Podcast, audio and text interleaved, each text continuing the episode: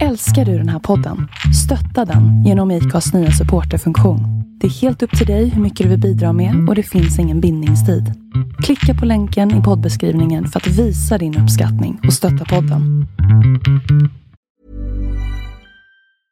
Hey, I'm Ryan Reynolds. Recently, I asked Mint Mobile's legal team if big wireless companies are allowed to raise prices due to inflation. They said yes. And then when I asked if raising prices technically violates those onerous two-year contracts, they said, "What the f*** are you talking about? You insane Hollywood ass."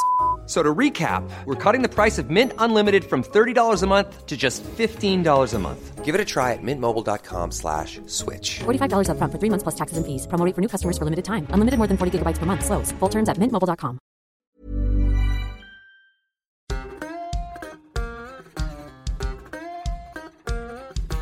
Då säger jag hej och välkommen till Vi måste prata till Rutger Brattström. Tja! Hej! Då undrar ju folk, vad, vem är det här? Och då tänker jag att då får du berätta det lite snabbt. Hur presenterar du dig när du träffar nya människor? Ja, eh, jag heter som sagt Rutger och jag jobbar med ideologi på Timbro, tankesmedjan. Eh, rent formellt så heter min roll projektledare inom ideologi.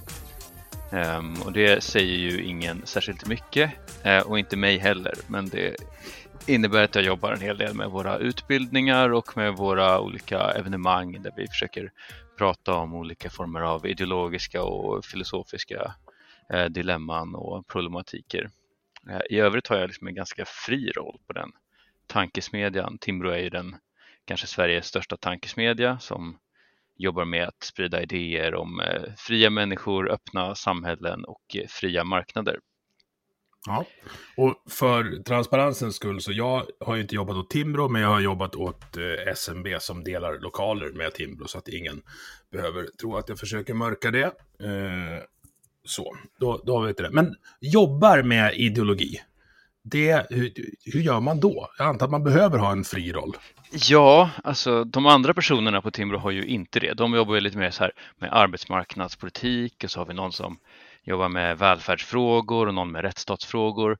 Eh, Jag har ju inte riktigt en så här tydlig arbetsuppgift när jag kommer till jobbet. Igår till exempel så eh, satt jag och eh, skrev på Twitter hela dagen om Tucker Carlsons intervju som jag eh, kollade på och så blev jag uppmanad att skriva liksom en stor sammanfattning om det som fick en Mm. del spridning. I övrigt så försöker jag liksom plocka upp frågor som ingen annan orkar, hinner eller bryr sig om. Eh, så jag har ju bland annat skrivit i vårt nätmagasin om eh, vikingatida libertarianism på Island. Jag har eh, skrivit om att Sverige är fattigare än vad de flesta tror. Att vi har, om vi hade varit en delstat i USA så hade vi varit nere med Alabama och Mississippi i rikedomsrankingen som jag inte tror att det är så många svenskar som har koll på. Eh, och så gör jag då eh, nyhetsbevakning om Argentina just nu så vi får se hur länge jag orkar hålla på med det. Men det försöker jag uppdatera även på Twitter och skrivit i vårt nätmagasin om det ämnet också. Och det var ju det som du Mm. fångade upp Ja, det är ju huv, huvudämnet här idag, för jag fascineras av, av det som händer där. Men jag fascineras ju också av, jag är ju ny in i politiken. Jag är född på 70-talet och varit politiskt aktiv typ 2018 när jag, när jag varit arg.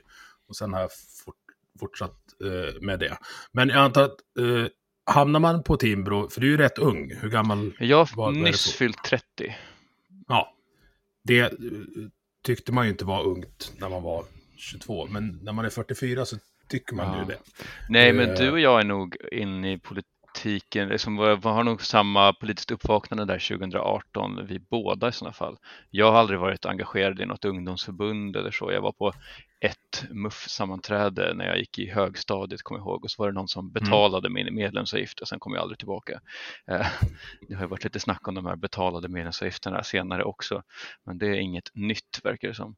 Eh, Men sen så gick jag med i det fria moderata studentförbundet där 18, tror jag för att min eh, gamla barndomskompis tvingade in mig eh, rent bokstavligen. Han lurade mig till ett möte och sen så visade det sig att det var årsmöte och att han satt i valberedningen och eh, helt plötsligt var jag vald. Och det är ju kanske en av de bästa sakerna jag blivit lurad till i hela mitt liv faktiskt. Ehm. Ja, Nej, men det, på, det påminner väldigt mycket. Jag började podda för att jag varit arg på att ingen svarar på frågor i partiledardebatten på Agenda 2018, så jag vet liksom vilket datum och vad klockan var när jag, när jag fick nog. Och sen poddade jag med, med eh, ja, men Per-Ola Olsson och några andra som har varit runt Svenska nyhetsbyrån och skribentskolan. Och då sa de att du måste skriva här. Så det har varit ett, ett nytt, nytt karriär... Eh, jag ska inte säga omläggning, utan det är en bisyssla fortfarande. Men det är väldigt kul och framförallt är det roligt när man kommer in och inte är en gammal elevrådsordförande och kan backa med släp och har skägg och barn. För att då blir man lite av en katt bland hermelinerna.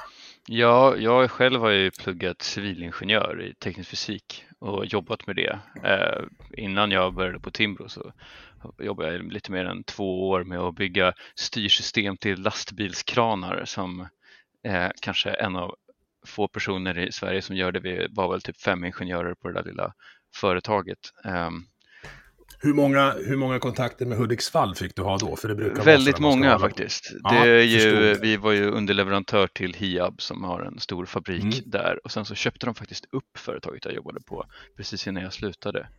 Uh, så här skulle vi kunna stanna och prata jättemycket. Jag kommer ju från en, en lastbilssläkt, frun är gammal transportledare och alla utom jag har har eh, massa bokstäver på körkortet medan jag har dem i, på diagnosspektrat istället. Men då har jag pratat om bland annat om fjärrstyrda kranar som nästa steg och det tycker jag ska bli ganska coolt. Ja, det var en sak som jag var inne och kikade på, försöka samla in eh, data för att kunna liksom, eh, använda AI och styra kranar. Vi kom aldrig någonstans med det där, men det var en, eh, en sak vi funderade på. Eh, det där ska vi prata mer om någon annan gång. Men nu, alltså nu rätt, rätt in i, i, i huvudämnet. Och sen har jag sett och läst allting du har skrivit nästan. Så att jag har jättemycket andra frågor också.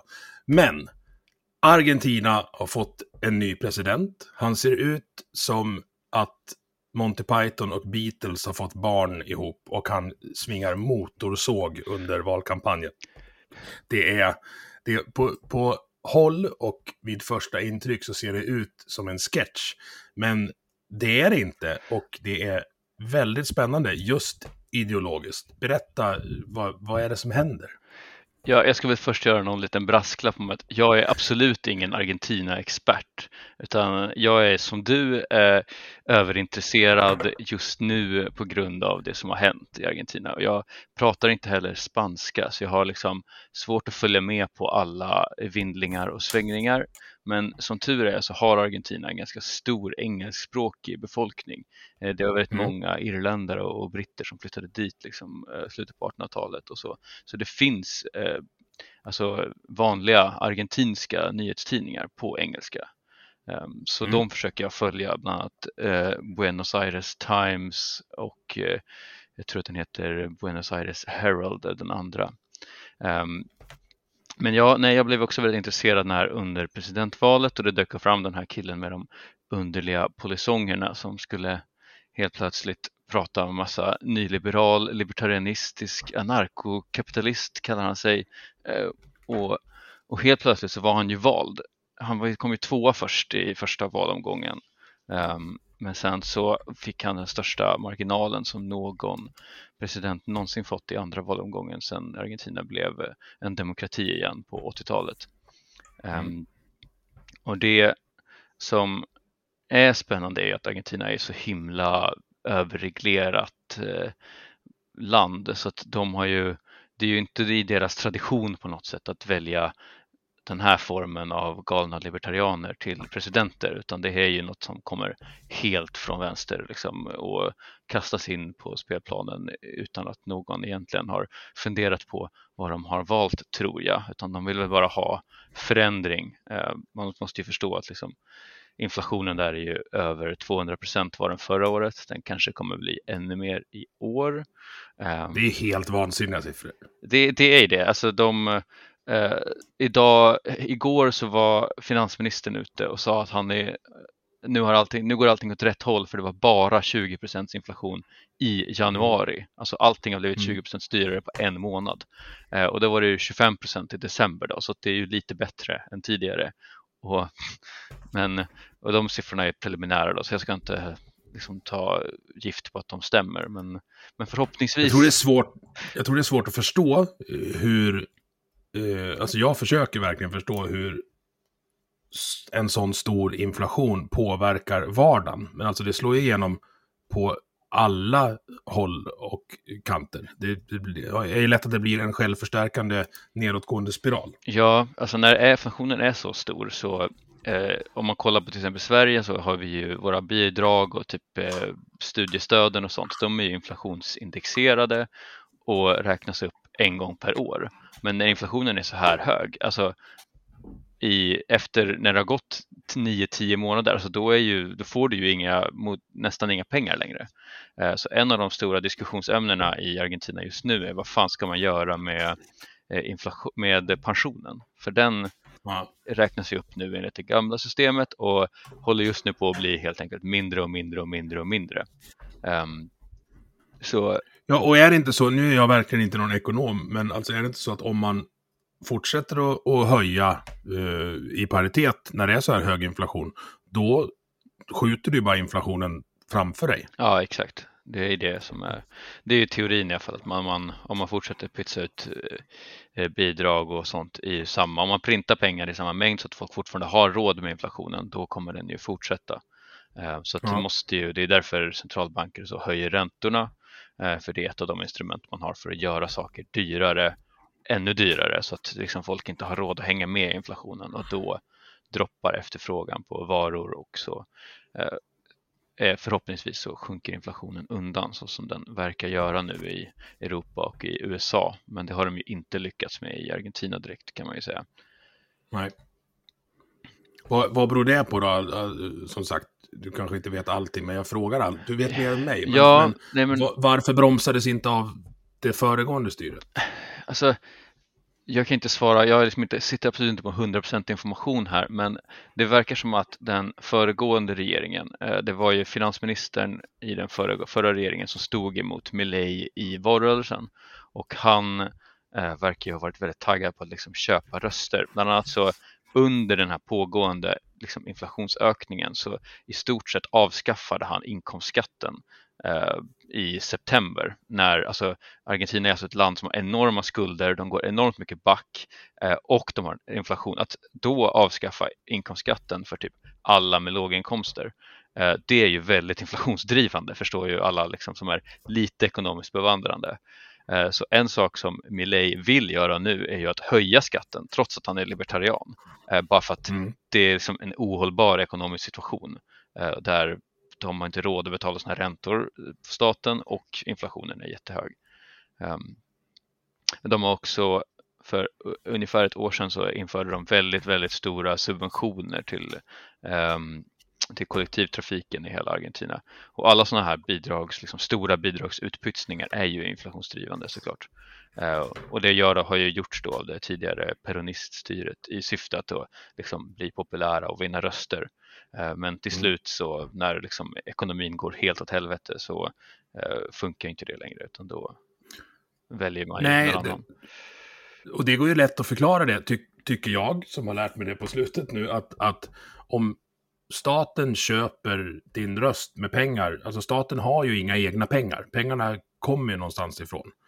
Så att de betalar ju dig själv de, betal, de köper din röst för dina pengar som du sen kommer få betala tillbaka till dem på något sätt i och med inflation och skattehöjningar. Exakt. Eller jag, är jag, ja, ja det, det blir en, en runtskyfflande av pengar som är liksom i stor onödan, speciellt om man kollar på sådana här saker som väldigt, väldigt många använder eh, som kollektivtrafik. Eh, där är ju, det finns ju väldigt få argument för att man inte skulle betala för det på egen hand.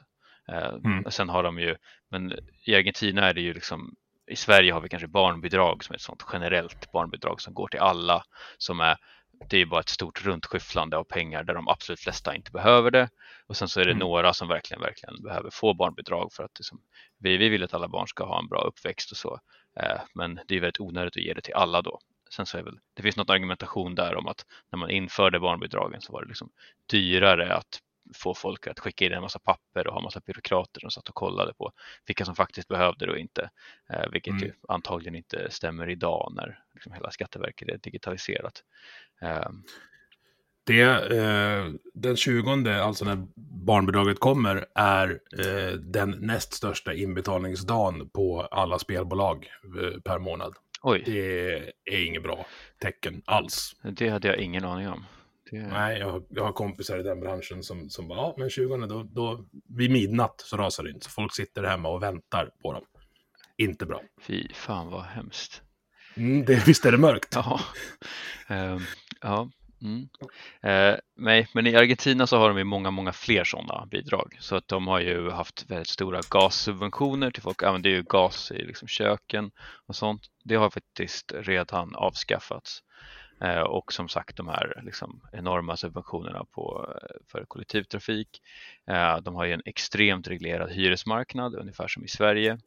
Ehm, som blev, den blev reglerad ganska sent så att man om man tittar på Buenos Aires så har liksom mängden lägenheter som har gjorts om från hyreslägenheter till, till liksom ägarlägenheter har liksom sprungit iväg i höjden ordentligt de senaste åren för att i och med att de har reglerat och subventionerat hyrorna, eller det är ju inte en subvention utan man tvingar ju snarare fastighetsägarna att ha jättelåga hyror som, för att folk ska ha råd att bo, men eh, då är det helt enkelt inte värt att hyra ut längre så att folk måste mm. sälja sina lägenheter. Eh, de har också Airbnb är inte reglerat så att antalet Airbnb-lägenheter har typ Eh, tredubblats tredubblats, fyrdubblats på bara två år nu. Eh, för att i, och med inflationen, att så här, ränt, eh, hyrorna är ju kvar på samma nivå, de inflationsjusteras inte, men inflationen går upp jättemycket så då har du inte råd att hyra ut den, din lägenhet längre, du går back på att hyra ut den. Så då gör man om dem till Airbnb istället och då är det värdare att bara hyra ut den två dagar till ett rimligt pris på Airbnb än heltid till någon, lägenhet till någon familj. Ja, vilket resulterar i brist då, antar jag? Eh, ja, brukar göra det. Ja, en tredjedel av bostäderna i Buenos Aires tror jag står tomma nu eh, för att det liksom inte går inte att hyra ut dem eller sälja dem i det här läget. Så det är ju, blir en helt absurd situation där folk vill ha, ha någonstans att bo men eh, det går inte för att liksom bara ekonomin och regleringarna gör att man inte kan möta någon eh, som vill hyra ut sin lägenhet. Eh. Ja, du, du nämnde anarkokapitalism där. Eh, det har jag typ ingen aning om vad det är. Ja, det är lite svårt att säga vad Milley faktiskt menar med det. Alltså klass, rent klassiskt så är ju anarkokapitalism liksom en ideologi som uh, går ut på att man ska lägga ner hela staten och att uh, alla former av liksom, uh, alla tjänster ska tillhandahållas på en öppen marknad, även då våldstjänster Um, och då är väl tanken att det ska dyka upp liksom säkerhetsbolag som ska lösa de säkerhetsbehov som befolkningen behöver. Um, eller att man helt enkelt ska kunna gå och köpa sig själv ett eget vapen för att försvara sig. Uh, sen så i praktiken så är ju inte han, han vill liksom inte lägga ner hela staten utan han är han, han är, jag tror han har sagt att han liksom är, hans ideal är anarkokapitalistiskt men att han förstår att det behövs vissa inskränkningar i människors friheter. Bland annat så behövs det liksom ett starkt fondsmonopol eh, och han har till och med sagt att det kan behövas vissa eh, bidrag för att liksom få samhället att fungera. Ja, men är inte det, är inte det rätt vettigt då? Alltså folk som har en ideologi eller en utopi men fattar att det är en utopi. Ja, nej, det, det är ju en av de vettigare sakerna i Milley. Att han liksom, det här är min ideal och det här är, men i praktiken så kan jag liksom acceptera de här, en ganska stor bred palett av regleringar och så. Eh, men den är mycket, mycket mindre än vad vi ser i de flesta eh, liksom, länder idag eh, och i Sverige eller Argentina. Så att han vill ju ta bort det absolut mesta av det som staten gör. Alla har säkert sett den här videon där han går och så bara river han bort olika departement. Det, bara, det här ska bort, det här ska bort, det här ska mm. bort. Och det är det han vill göra. Men sen så lämnar han ju faktiskt kvar några. Det är inte så att han liksom vill lägga ner allt utan det ska fortfarande eh, ske, en finnas en stat. Och det där är ju spännande för, för en vanlig angreppsyta när man säger att man vill lägga ner eh, någonting, alltså man lägger ner transportministeriet, jämställdhetsministeriet, eh, arbetsmarknadsdepartementet så. Mm. Eh, många i Sverige, som jag har visat det här klippet för, eller många, men ett par i alla fall, eh, säger så här, jaha, nu ska han lägga ner jämställdhetsmyndigheten. Eh, Vill han inte ha jämställdhet? Och så nu ska han lägga ner arbetsmarknadsmyndigheten. Vill han inte ha en arbetsmarknad? Och den där ganska vitt spridda svenska uppfattningen att man behöver ha ett departement för någonting för att det ska finnas. Den har jag jättesvårt för. Framför, alltså, framförallt kulturdepartementet. Alltså, är det någonting som skulle överleva mycket bättre utan statlig inblandning så tror jag faktiskt att det är kultur. Vad, vad, vad säger Rutger? Ja, nej, men jag kan väl hålla med om det. Eh, det är väldigt, en av de sakerna med att följa Argentina nu är ju att det är väldigt så här, va, det här går faktiskt att göra. Eh, det är liksom, mm. en politiker kan faktiskt säga det här och vinna val på det och gå ut med att liksom, vi ska ha en mindre stat, staten ska göra mindre saker. Ni som medborgare är vuxna människor och klarar av att köpa kultur för era egna pengar. Eh, ja. En sån enkel sak som jag tror inte de flesta svenskar vet är att det finns ju fler dansteatrar i USA än det finns i Sverige. Och där finns det ju inga statliga stöd till liksom ballett eller sånt som vi har. Ehm, mm. Bara för att folk är ju intresserade, men om du däremot har en liksom, stor statlig aktör som suger upp alla talanger och placerar in dem på den kungliga balletten så liksom, finns det inga möjligheter att driva en mindre ballett i kanske Malmö eller så. Men i USA så verkar det fungera för att folk faktiskt är genuint intresserade. Um, och det är väl det som Milei också vill, är ute efter, att han vill liksom att det mesta ska lösas av företag och människor på en öppen marknad som kan köpa det de vill ha och inte att det ska tillhandahållas en massa kultur eller andra eh, nyttigheter som människor inte nödvändigtvis vill ta del av.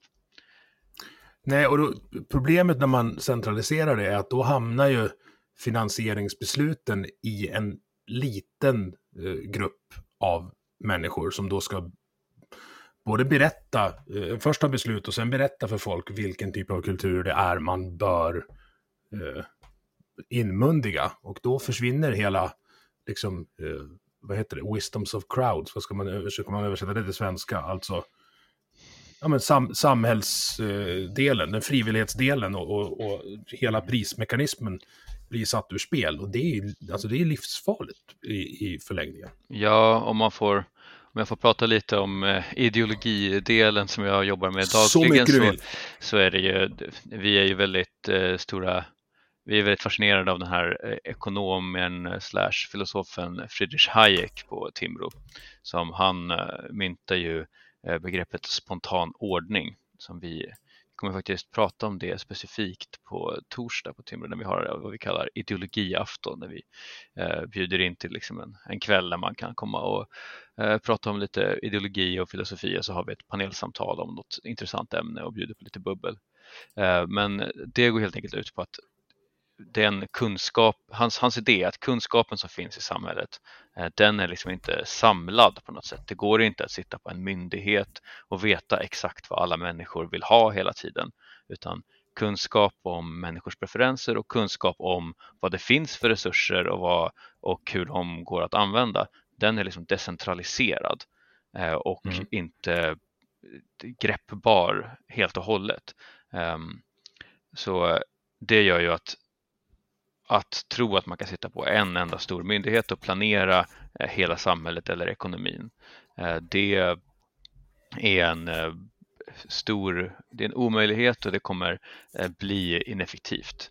Då är det mer... Det saknas inte exempel på när folk har försökt och det är en ganska tydlig resultatbild där. Ja, det finns ju hur mycket exempel som helst från i Sovjetunionen när de liksom eh, bygger, när de ska få order på att bara bygga eh, liksom x, x antal ton med skruvar och de bara okej okay, vi bygger en enda jättestor skruv.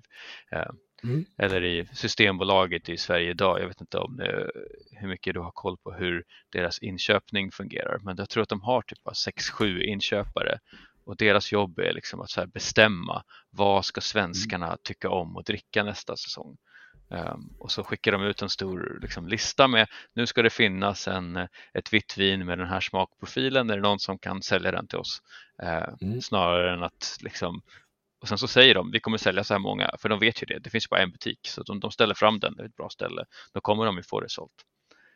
Och så blir det då en beställning till något sydafrikanskt basvin som mellanlandar i Holland och sen hamnar eh, på någon kryddinstitution och uppsockrat och sen ut Ja, till Sverige. exakt. Ever catch yourself eating the same flavorless dinner three days in a row? Dreaming of something better? Well, HelloFresh is your guilt-free dream come true, baby. It's me, Kiki Palmer. Let's wake up those taste buds with hot, juicy pecan-crusted chicken or garlic butter shrimp scampi. Mm. Hello Fresh. Stop dreaming of all the delicious possibilities and dig in at hellofresh.com. Let's get this dinner party started.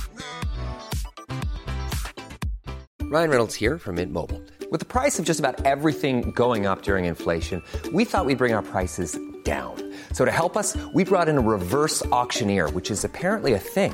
Mint Mobile unlimited premium wireless. Ready to get 30, 30, bit to get 30, bit to get 20, 20, 20, bit to get 20, 20, bit to get 15, 15, 15, 15 just 15 bucks a month. So, Give it a try at mintmobile.com slash switch. $45 upfront for three months plus taxes and fees. Promo rate for new customers for limited time. Unlimited more than 40 gigabytes per month. Slows. Full terms at mintmobile.com. Eh, Jag är lite intresserad av whisky och där finns det nyligen en, ett litet, en skandal med att Systembolaget säljer nu en japansk whisky för strax under 400 kronor. Jag tror den kostar 399 och det finns ju inte någon annanstans än i Sverige. Det går liksom inte att hitta en, japansk, en flaska japansk whisky som kostar mindre än 500 och det är för att de här inköparna har bestämt sig för att ja, men japansk whisky, det är lite spännande.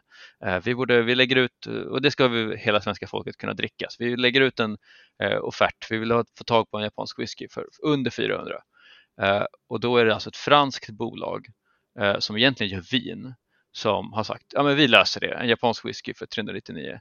Och så de åker då till eh, Skottland och så köper de liksom bara random skotska eh, whiskys som de blandar ihop och sen så skickar de det till Japan för att liksom buteljeras där. Och då räknas det då som en japansk whisky eh, och kan Mm. säljas på Systembolaget trots att det inte en enda droppe i den här liksom, produkten är rörd av en japan.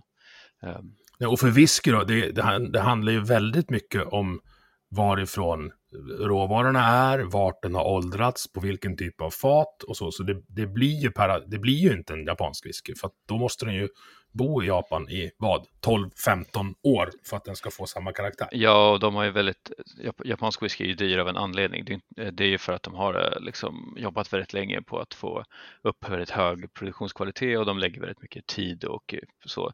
Och det är väldigt få destillerier i Japan också så att de gör att de kan hålla priset högt. Så. Och det är därför det, liksom, det går inte att få tag på någon annanstans än på just Systembolaget. Och det är för att det inte är en japansk whisky. Men så blir det ju om man liksom tror att man kan tillhandahålla någonting eh, som inte liksom är marknadsmässigt. Ehm, Mm. Men, men det Men- har ju då Milley insett att han vill ju ta samhället i en riktning där eh, marknaden får göra mer och de som han kallar de här, den politiska kasten. Eh, det, det låter som att han är väldigt, väldigt eh, liksom trumpiansk när han säger det, men det är som jag har förstått det är det liksom ett vedertaget argentinskt begrepp att man, man pratar om den politiska kasten, inte klassen utan kasten som är liksom en grupp människor som har haft makt eh, väldigt länge och är liksom familjer som har styrt och eh, kontrollerat samhället under en väldigt lång tid, både i fackföreningar och inom partier. Ja, det där med, som du sa, familjer, att man, man ärver eh, makten. Alltså, så ne Nepo babies pratas det om eh, här också. Eh, då blir jag nyfiken på Rutger. Alltså, du sa att du hade ett sent politiskt uppvaknande. Kom, kommer du från en politisk familj, eller hur? Eh, nej, båda mina föräldrar är jurister faktiskt. Eh, så min pappa är åklagare och min mamma har varit, jobbat mycket på eh, juridiska fakulteten i Uppsala. Eh, Så hon har varit, ja hon började ju som doktorand när jag föddes och, sen så blev hon professor och sen chef för hela den verksamheten och nu eh, sen i förra året så sitter hon faktiskt i Högsta domstolen. Eh, Spä- Det, var ju, alltså, det låter som en familj där det, det var inte så aktuellt att hoppa av gymnasiet, om jag säger så. Nej, däremot så valde jag gymnasium för att slippa att de la sig i så himla mycket. Eh, Så att, som Mm. sagt, de är båda jurister och har gått liksom samhällsvetenskapliga linjer och så, så jag bara, då ska jag läsa natur och sen ska jag bli ingenjör så att de inte har någonting att säga till om. För Min lillebror är däremot jurist och han, eh, han får ju väldigt mycket hjälp och han får och kanske inte så mycket önskad hjälp ibland. Eh, Nej, jag, jag känner igen det där. Jag är från skogen, men jag kan inte laga en cykelpunktering, för det har jag aldrig fått gjort, för att det har liksom bara smält till i garaget hemma. Så jag, om man kan dra den, den parallellen att pappa bara, nej jag orkar inte vänta på att du gör det, så jag gör det själv. Här får du hjälp. ja, det, det kan jag, jag kan förstå vad du menar. Ja. Eh, nej, men det är intressant det där också, jag skulle kunna prata jättemycket om skola och, och så, men det, det, får vi ta en annan gång. Eh, vi var på att lägga ner myndigheter och eh, ja, naturligtvis då lägg ner Systembolaget. Men eh, sen pratar han också med, Milei om, om handel med utlandet och han vill byta valuta. Det, eh, det är intressant måste jag säga. Ja, det där är ju väldigt spännande för att se vad det blir av det. Han har inte liksom gjort stort slag i saken direkt i början nu. Eh, men han pratar om att han vill gå över till dollar istället för att ha en egen argentinsk valuta. Vad ser han för fördelar i det då? Ja, den stora fördelen han ser är att de då eh, vi pratade lite om centralbanker och räntor och sådär tidigare, men den stora fördelen han ser är ju att eh, man då inte kan trycka pengar i Argentina. Eh, vilket man ju har gjort historiskt sett väldigt mycket. Att liksom politikerna har bara, vi löser våra problem genom att vi bara trycker upp massa nya pengar som vi kastar på befolkningen och sen är det ingen som märker någonting förrän inflationen går upp en liten stund senare. Eh, och på så mm. sätt så ja, kan man ju driva ekonomin i botten men man kan liksom se ut som att man eh, driver väldigt bra socialpolitik under tiden med stora bidrag och eh, fina subventioner.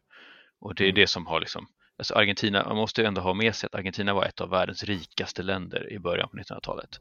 Eh, kanske, det, enligt Milley så var det kanske var det det rikaste, det, men det är väldigt svårt att säga, det liksom, mätningarna på BNP är inte så tillförlitliga från 1913 eller vad man nu pratar om. Eh, men, men det är i alla fall ett av topp 10, topp 5 rikaste länderna i världen eh, fram till 30-talet. Eh, och sen så börjar liksom en lång period av eh, överreglering och liksom olika former av auktoritära styren. Eh, de har ju en militärdiktatur under flera decennier och sådär också. Eh, mm. Men, eh, och det är det som driver Argentinas liksom, ekonomi i botten. Ehm, och ehm, Så att, att gå tillbaka och liksom inte se, ha en verklighet där politikerna ska lösa alla problem genom att trycka pengar. Det är det han vill omöjliggöra. Eh, genom att då byta valuta helt och hållet och dollarn styrs ju som sagt ifrån USA. Man kan liksom inte välja värdet på den utan om man befinner sig i den valutan så är det en omöjlighet. Du kan liksom inte skapa fler dollar i Argentina och då kan inte, mm. då måste politikerna hålla sig till den ekonomiska verkligheten i hans tanke. Så för att vara för frihet så vill han ändå ha ett, ett ekonomiskt ramverk så att säga och, och lägga ut det på entreprenad till USA. Ja, alltså jag kan tänka mig att om, han, om det hade varit för hundra år sedan så hade han säkert förordat en guldmyntfot istället, att man binder värdet på valutan eh, till mm. priset på guld. Men det är ju ingen som har det längre och det, har funnits, det finns liksom vissa tekniska problem med det som har uppvisat sig genom historien. Jag är inte, absolut inte expert på det där, men ja, om det finns för lite guld i omlopp så kan det liksom bli stora problem i ekonomin och så. Så då är det bättre att binda sig till dollar som kanske är den stabilaste valutan på jorden just nu. Och, mm. eh, och man är inte ensam med det. Ecuador har redan gjort det för, några, för några 20 år sedan. Eh, med, och ja, jag kan inte bedöma om det var liksom en stor succé eller inte, men det har i alla fall inte kollapsat på något sätt. Det var liksom inte en stor det var inget stort misslyckande utan Ecuador mm. är fortfarande en fungerande ekonomi och de har en helt okej okay tillväxt för att vara i Sydamerika och sådär. Ja, men det är svårt att kolla, det, det finns ju ingen kontrollgrupp att, att jämföra med utan det blir bara eh, teoretiserande. Ja, verkligen. Men man förstår ju i praktiken när man tittar på liksom Argentinas historia varför det här är en bra idé. När, när politikerna återigen om och om igen har liksom gjort som i höstas, att man tar bort inkomstskatten typ helt och hållet eh, i, en, i försök att vinna röster. Eh, och det är ju liksom hade de inte gjort det så hade åtminstone den finansiella situationen sett lite bättre ut just nu och att de hade haft ett lite mindre statligt underskott och hela tiden mm. så bygger man på det där om och om igen. Du sa det att Argentina var ett av världens rikaste länder. Vad var det som hände då? Alltså var det, var det klåfingriga politiker som, som berikade sig själv eller var de bara klåpare eller någonstans mittemellan? Alltså det finns ju flera förklaringar. För det första så var ju Argentina aldrig en så här, det var inte en industrialiserad ekonomi, en, inte en avancerad liksom, amerikansk eller västeuropeisk ekonomi, utan det var ju väldigt baserat på jordbruk och det är ju extremt bördigt område i Argentina eh, som man kan och, och de har en väldigt stor köttproduktion och så. Så det var väl det som hela deras rikedom var baserad på och det blir ju utdaterat under 1900-talet eh, är ju en förklaring. Men man passar ju också på att göra enorma regleringar, mycket tullar, eh, man bygger ut välfärdssystem, eh, man reglerar marknaderna, man gör liksom stora ingrepp på bostadsmarknader och så vidare under den här perioden också. Så det är väl två liksom, faktorer samtidigt. Eh, samtidigt som hade de inte reglerat så här mycket så kanske de hade kunnat göra som de flesta västeuropeiska länder att man går över från en mer agrar eller industriell ekonomi till att bli en tjänsteekonomi som Sverige idag där liksom det vanligaste mm. jobbet är programmerare. Det är inte att stå vid ett eh, band och bygga Volvo-bilar längre. Nej, är, Argentina är så fruktansvärt stort också. Man, man man blir ju hemmablind och man, man tänker per automatik när man jämför andra länder med Sverige. Men Argentina har 50 miljoner invånare och är gigantiskt eh, rent eh, till ytan. Och jag, nu, nu kanske jag är, eh, tror att du är mer expert än vad du är, men alltså skiljer det sig jag tänker på Italien till exempel så är det ju enorma skillnader i, i hur folk har det mellan norra och södra. Är det samma i Argentina? Har du någon koll på det? Det har jag faktiskt inte jättebra koll på måste jag säga. Uh, det jag, har, jag, har förstått det som att Mileis stöd är liksom större i så nordvästra Argentina, på landsbygden, på Pampas, där liksom den här stora jordbrukssektorn är. Uh, och jag mm. har förstått det som att det är en lite mer välmående del av Argentina också, men jag, jag kan liksom inte ta gift på det. Um, det är ju väldigt Nej, att... svårt att följa argentinsk politik liksom som en outsider. Det är ju, ja. eh, jag, jag, jag, förstår fortfarande inte riktigt hur deras partisystem fungerar. De har liksom, det verkar som att de har typ hundra olika partier som sen, och alla partier är typ regionala i grunden eh, snarare än att liksom i Sverige har vi ju stora partier som sen har liksom regionala, ja det finns Centerpartiet i Dalarna och så finns det sossarna i Skåne, men inte tvärtom, att det är sossarna i Skåne som sen har samarbetar med eh, något annat så här, vänsterparti i Norrland eh, för att bygga upp ett det byggs underifrån och upp istället för uppifrån och ner som det görs i Sverige. Eh. Vilket gör att när man tittar på deras parlament så bara, alltså man fattar ingenting för att det är liksom, alla har olika beteckningar och så röstar de helt åt olika håll. Um, och det är det som Eh, gör att det är väldigt svårt att förutsäga också hur det ska gå när man liksom lägger fram lagförslag för det finns liksom inga partipiskor som jag förstår det eh, på det sättet som vi har här. Ehm. Och det är förmodligen både fördelar och nackdelar med, med det. Ja, det tror jag verkligen, men jag, jag kan liksom inte riktigt, det är väldigt svårt att förstå bara. Eh, de la ju precis nyligen fram ett enormt lagförslagspaket där de bland annat ville sälja en massa statliga företag och eh, minska en massa regleringar och ändra lite i de här skatte eh, ta tillbaka inkomstskatten och ändra lite andra skatter och så. Och det först så lyckas man liksom förhandla det eh, i det underhuset som de har i Argentina och så gick det igenom, men sen så gick det inte igenom i överhuset. Eh, och, och det är ju väldigt ovanligt i Sverige att, liksom, att regeringen lägger fram lagförslag som inte går igenom, utan man förhandlar ju färdigt dem mm. innan man lägger fram dem.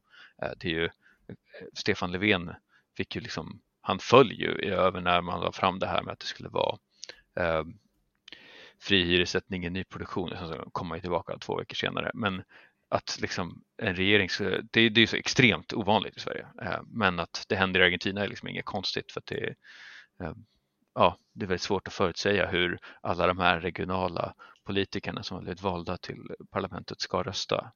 Och men de sitter väl på mer personliga mandat också, som jag förstår det.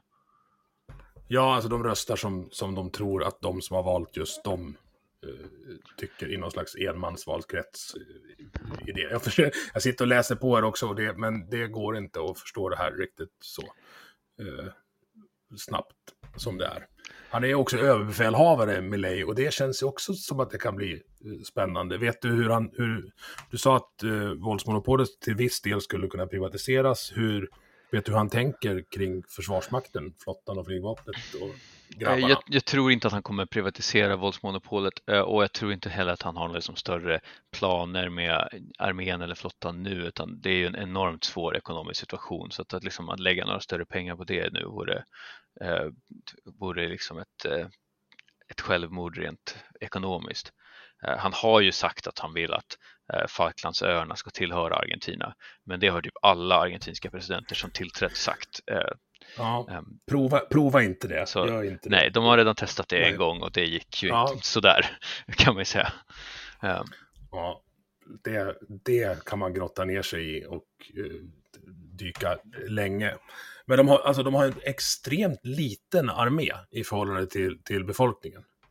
Alltså extremt liten. 44 000 soldater på 15 miljoner invånare. Det är ju... Eller på, på 50 miljoner invånare. Det är ju ingenting. Nej, det är inte mycket.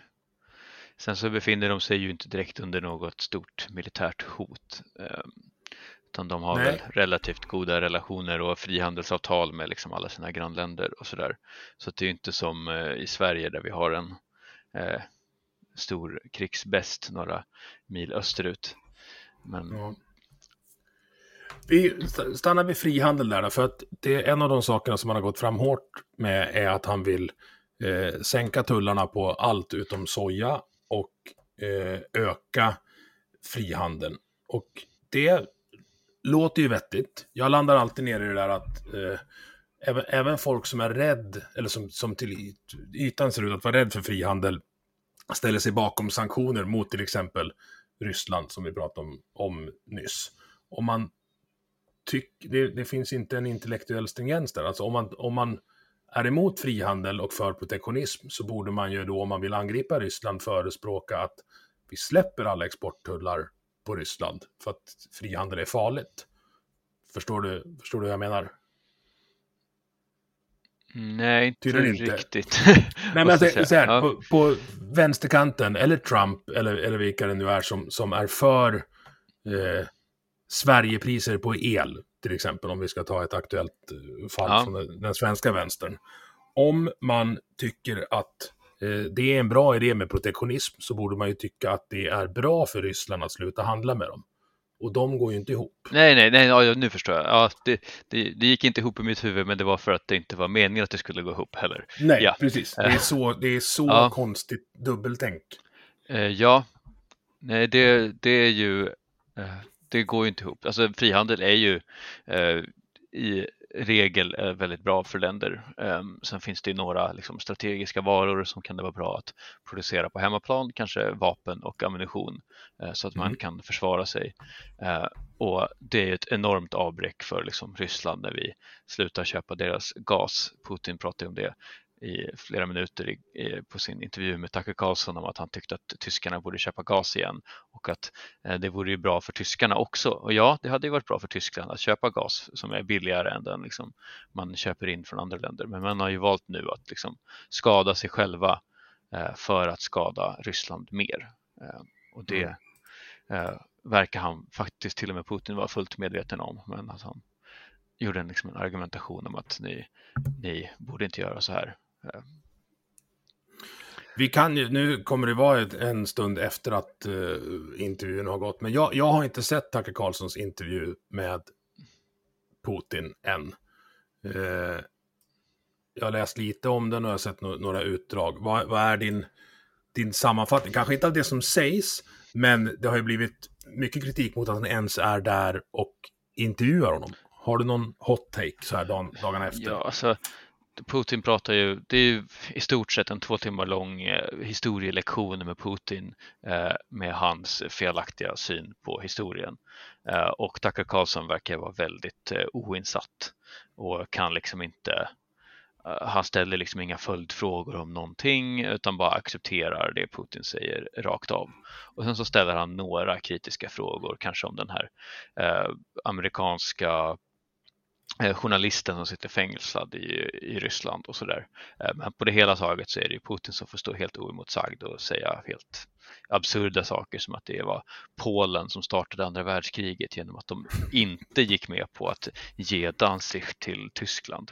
Och han var, mm. ja, det, ja, så det, det egentligen, jag ska egentligen inte rekommendera att se intervjun, det, men den är väldigt, liksom, det finns inget som en svensk så är det väldigt lite man kan eh, lära sig av det utöver att man kan förstå lite mer av hur liksom, Putins världsbild är. Men den är ju väldigt svår att förstå i sig så att, eh, ja, jag vet inte hur mycket det ger.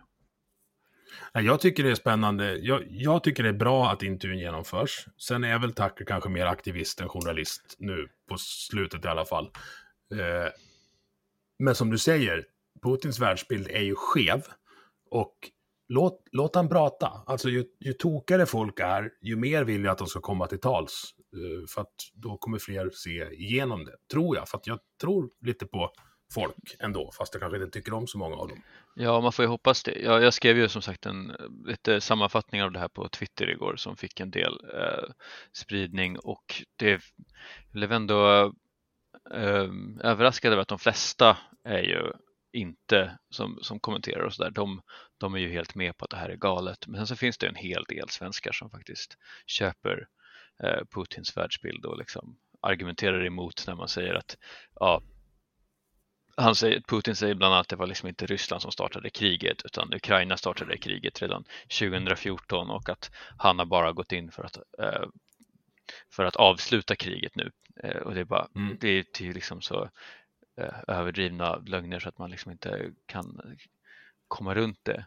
Eh, men, men det finns ju ändå tyvärr en hel del svenskar som köper det han säger. Mm.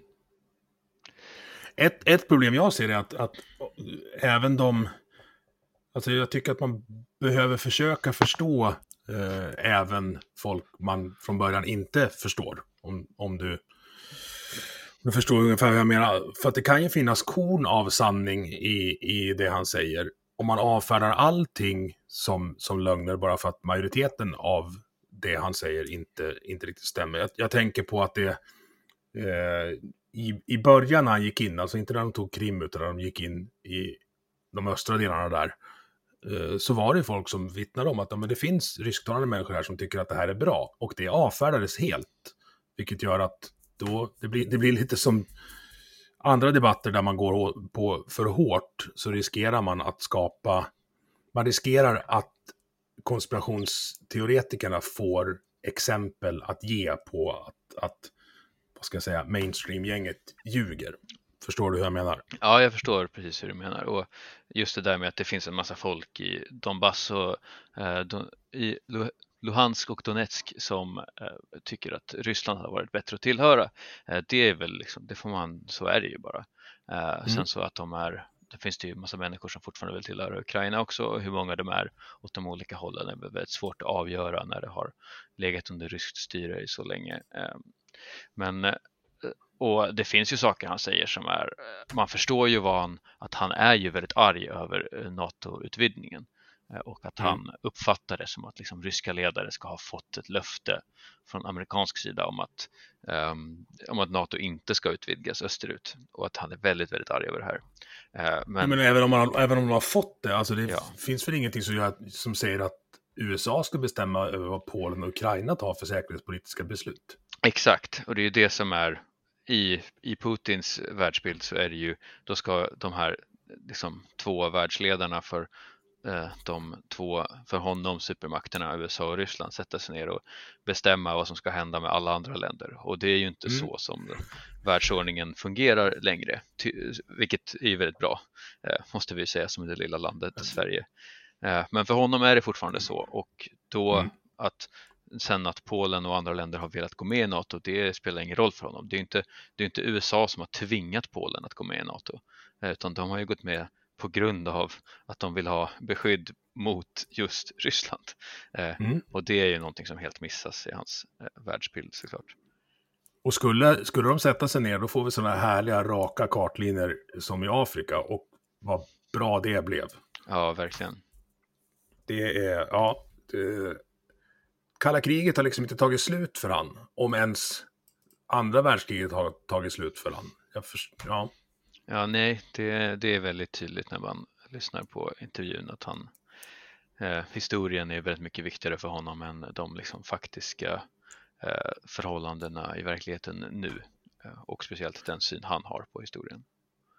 Ja, och på framtiden också. Jag, de, det jag har läst mig till och lyssnat på eh, hyfsat Rysslandskunniga människor är att dels finns det en imperialistisk vilja någonstans, men de har också ett helt annat tidsperspektiv än vad väst har. Alltså de pratar 100-200 år framåt, tar han beslut på nu, för att det är det, det är hans världsbild. Att det är någon slags, jag vet inte vad ska vi kalla det, klan-typ av, av tänk, att det är ett kollektivistiskt tänkande, för det är uppenbart i krigsstrategin också att han bryr sig inte om individer, utan det är ju kanonmat. Det är som i Stalingrad, det här med eh, två killar och ett gevär, och när den första blir skjuten kan den andra ta upp. Att han, strategin är bara att ösa in folk.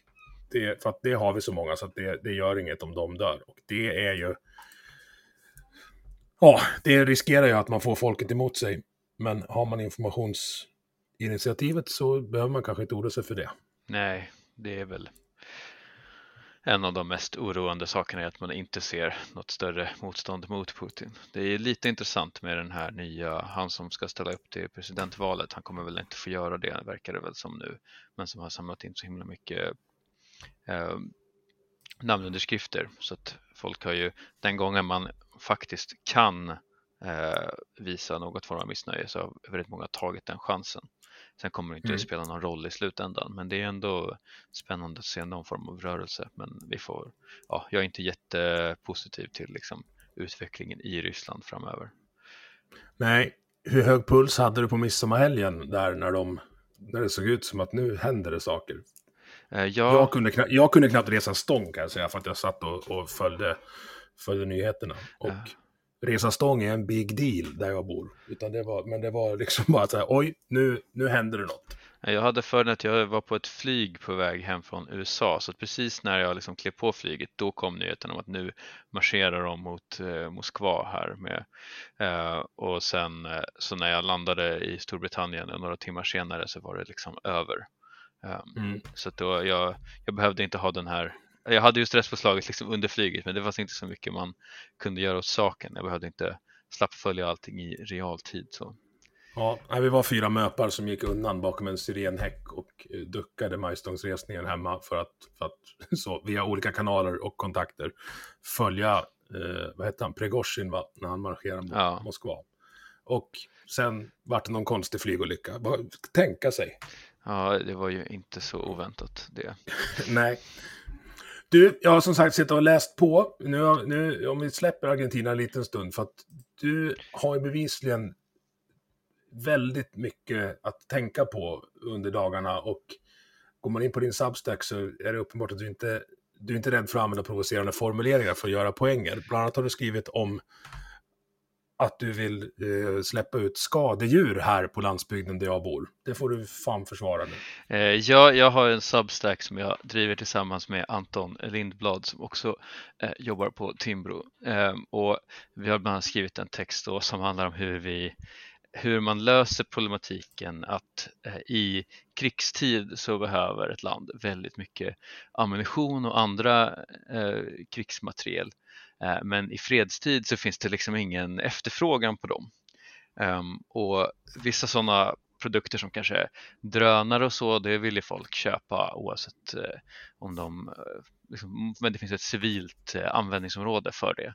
Så då kan man ju ha en produktion av den som finns igång under fredstid som sen kan skalas upp och användas när det blir krig. Men just ammunition är en sån produkt som vi vill ju helst inte använda ammunition och, men sen när det blir krig så vill vi verkligen, verkligen ha en massa ammunition. Så mm. vi gjorde ett, en ren eh, liten filosofisk utläggning om eh, hur kan man lösa det här problemet? Hur kan man få eh, en användningsområde för ammunition även i fredstid som gör att man liksom är redo när det blir krig? Och då är väl vår, vår vår spaning att ett, en sak man skulle kunna göra är att man bara släpper ut en stor mängd vargar och vildsvin i Sverige så att folk är tvungna att försvara sig eh, och behöver jaga i mycket större utsträckning och sen så tillåter vi automatvapen vid jakt. Ehm, och ja. det inser väl alla att det kanske inte är en jättebra lösning och så slutar vi på något sätt eh, hela texten med att vi kommer fram till att den här lösningen är så pass dålig att vi får nog ändå konstatera att det behövs en subvention för att eh, ha igång ammunitionsfabriker i fredstid. Ja, Just för att det, du ska det... slippa bli jagad av vargar där uppe i Dalarna. Ja, Eh, någon sitter och skriker i en bil nu att de planterar ju redan ut vargar här.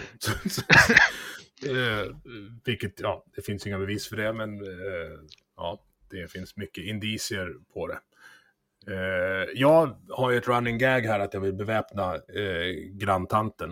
Eh, vill, man, vill man lyssna mer om vapen och så, så kan man eh, leta reda på när jag hade Pia Klerté här i, i podden. Jag tänker att en lösning på det där skulle kunna vara att fler skjutbanor och ett återupprättande av den svenska eh, skytterörelsen. Som är ganska stor. Alltså Sverige är ett av världens mest välbeväpnade folk. Det finns så mycket vapen i, i omlopp, men då är det ju jaktvapen. Ja. Var, var är du på, om vi, vi kan som avslutning återknyta till, till eh, Miele. Han har ju föreslagit en utökad självförsvarsrätt eh, som en, en av reformerna. Och eh, det tycker jag, det vore en bra landsbygdsreform för att i princip så funkar det så redan eh, om du bor längst in på en grusväg. Att blir det ett inbrott här så kommer jag få lösa det själv. Och jag har ungar på övervåningen så att då kommer jag lösa det så hårt jag kan. Men då risken är att jag hamnar i fängelse då. Ja, det är väl eh, den, han, han vill ju som sagt utöka självförsvarsrätten. Det är ju en klassisk eh, libertariansk ståndpunkt att man Eh, Eh, äganderätten till både sin egen kropp och till sina ägodelar är så pass stark att man måste liksom få utöva våld för att få behålla de sakerna och försvara sig själv eh, mot hot. Eh, och det har ju han har velat eh, liksom genomföra i praktiken. Eh, han vill också göra det liksom, ehm, lättare för poliser och militären att använda våld för att eh, upprätthålla ordningen. Eh, och det beror ju på att det finns väldigt starka liksom, krafter som står emot honom i Argentina. De här fackföreningarna som drivs av eh, de här familje, familjerna som han kallar för den politiska kasten. Eh, de är extremt mäktiga och kan verkligen sätta käppar i hjulet för honom om de vill. Eh, det, har varit... det är maffiavarning på det? Eh, alltså. Ja, han som, det, ett av de starkaste facken är transportfacket i Argentina med liksom de som kör lastbilar och så. Eh, I deras styrelse, han som leder det, eh, han som leder facket, hans son är vice ordförande och en annan son och en dotter sitter också i styrelsen för facket. Eh, och när den schweiziska polismyndigheten undersökte honom för penningtvätt typ 2013 tror jag att det var, jag tar inte gift på den siffran, men eh, då ville schweiziska myndigheter få ut liksom hans eh, deklarationer och andra papper för att liksom kunna undersöka honom och den argentinska åklagarmyndigheten var på väg att göra det men då utlyste han att jag kommer bli en generalstrejk om ni lämnar ut de här papperna åt, om mig till Schweiz och då gjorde man faktiskt inte det för att slippa den här liksom, omfattande strejken i Argentina. Eh, så pass korrupt är eh, fackföreningarna. Ehm, mm.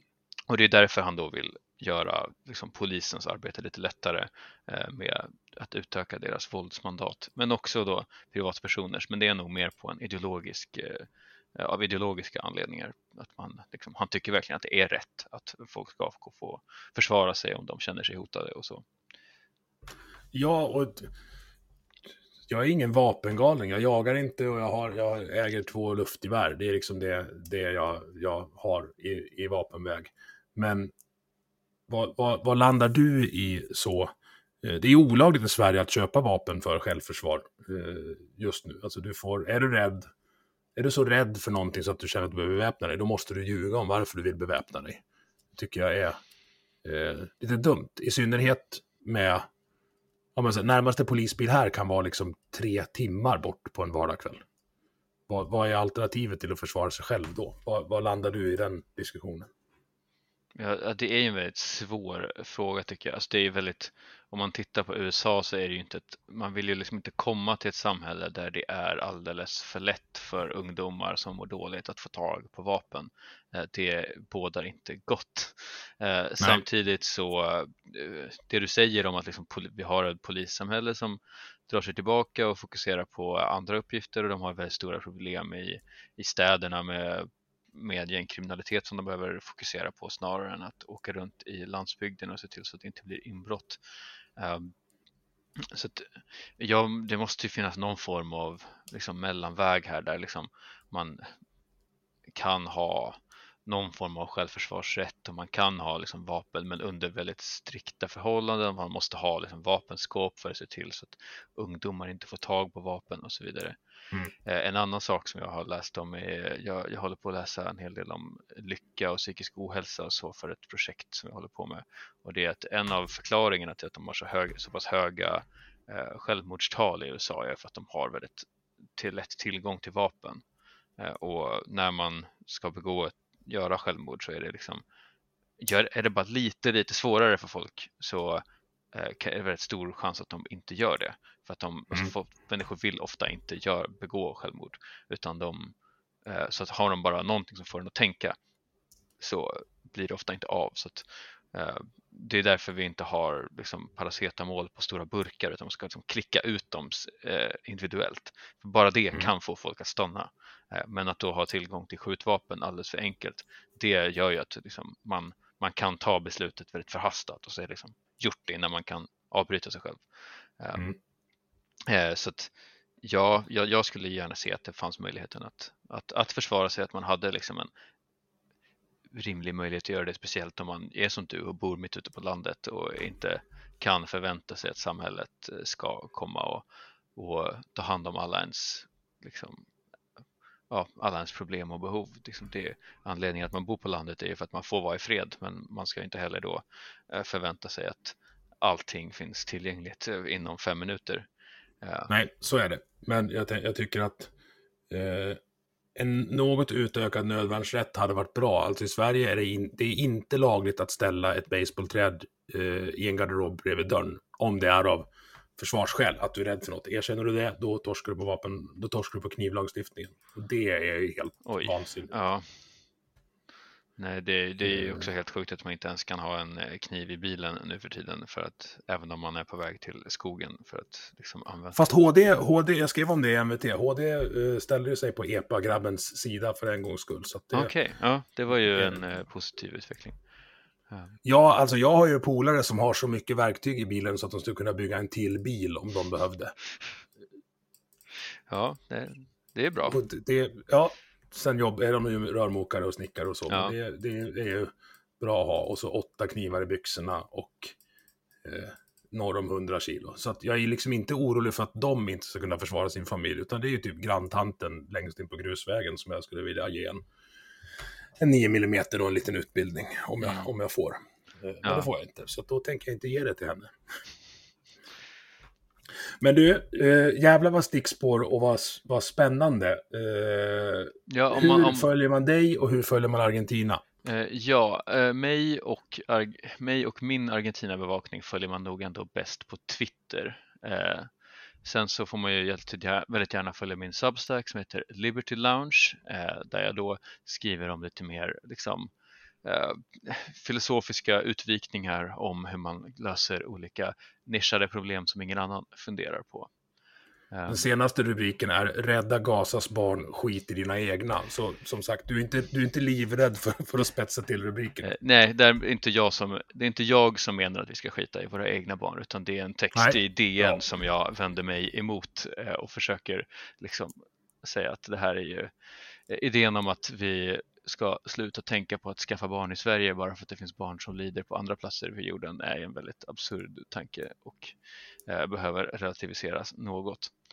Um, sen så tänkte jag också innan, innan vi avslutar, liksom några avslutande ord om Argentina är att även om man kan vara väldigt intresserad av vad som händer där och liksom tycker att det är väldigt spännande att följa så är ju inte eh, allting som liksom, de här nyliberala eh, anarkokapitalistiska politikerna gör där liksom någonting som man behöver tycka är jättebra om man är eh, libertarian eller så i Sverige. Till exempel så eh, har de bara i dagarna har några av eh, eh Milleys partikamrater lagt fram ett eh, förslag om att förbjuda abort, eh, vilket kanske inte liksom rimmar så väl med den eh, självägandeskap till sin egen kropp som många som man, jag tror på, att en kvinna mm. har rätt att eh, styra över sin egen kropp. Millet själv tycker att liksom barnets rätt till kropp trumfar kvinnans eh, och att eh, redan vid liksom, när fostret skapas så har det ägandeskapet uppstått. Så rent filosofiskt så har hon ett argument för det. Jag liksom köper det bara inte. Um, Nej, jag håller med. Och det finns många andra sådana delar, liksom argentinsk, eh, som är väldigt svåra att förstå utifrån, som till exempel att han vill liksom inskränka strejkrätten eh, baserat på hur de här um, fackföreningarna styrs och så. Men det är ju ingenting som eh, går att liksom transferera till Sverige och säga det här är bra politik, utan det är väldigt mycket som man får ställa sig tveksam till. Det, men det är ändå ett intressant eh, skede att följa, eh, för funkar det, då finns det ju eh, anledning att eh, börja tänka över saker och ting även här. Kollar man, kollar man på World Value Survey till exempel så ligger Argentina typ i mitten. De är ju något slags snittland i världen, vilket vi svenskar tenderar att tro att vi är, vilket vi inte är. Absolut. Ja, det, det, det, det, som förhoppningen är väl att han får igenom lite politik. Han har ju stora problem både med domstolar och med, eh, med kongressen just nu. Och, så att förhoppningen är väl ett att han får genomföra lite politik Eh, på riktigt så att vi får någonting att titta på och säga det här, så här kan man faktiskt göra i ett riktigt land eh, med en stor välfärdsstat. Eh, och att det senare också fungerar bra och att Argentina liksom kommer på fötter igen och blir ett liksom välfungerande rikt land där folk inte blir fattigare och fattigare. Jag tror 40 procent av argentinarna räknas som fattiga nu för tiden och vilket är ett stort underbetyg till det landet som alltså var ett av världens rikaste länder för hundra år sedan. Verkligen. Och då kanske vi kan lära oss lite av dem så att vi får färre myndigheter och fler JAS-plan, vilket skulle vara min slogan om, om jag skulle bli politiker någon gång. Ja, det, det, det är en bra slogan. Du, eh, tack för den här timmen Rutger. Eh, det kan finnas anledning att återkomma när jag har plöjt djupare i din Substack och din övriga produktion. Eh, är Brattström på Twitter, och där finns även länken till Liberty Lounge. Och jag länkar det i avsnittsbeskrivningen. Ja, tack så, tack mycket. För att du var med. tack så mycket för att jag fick komma. Jättekul att prata med dig. Du har lyssnat på Vi måste prata som produceras av mig, Emil Nilsson. Tycker du om det du hörde? Dela avsnittet med dina vänner och på sociala medier. Vill du stötta podden kan du göra det via Patreon där du hittar den på patreon.com snedstreck vi måste prata i ett ord. Eller så swishar du en slant till nummer 123 671 46 79. Vi hörs!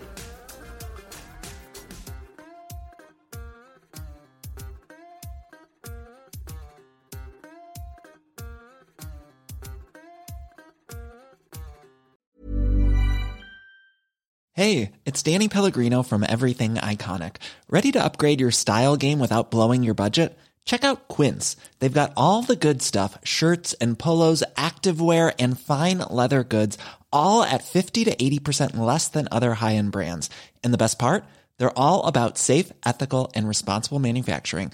Get that luxury vibe without the luxury price tag. Hit up quince.com slash upgrade for free shipping and 365 day returns on your next order. That's quince.com slash upgrade.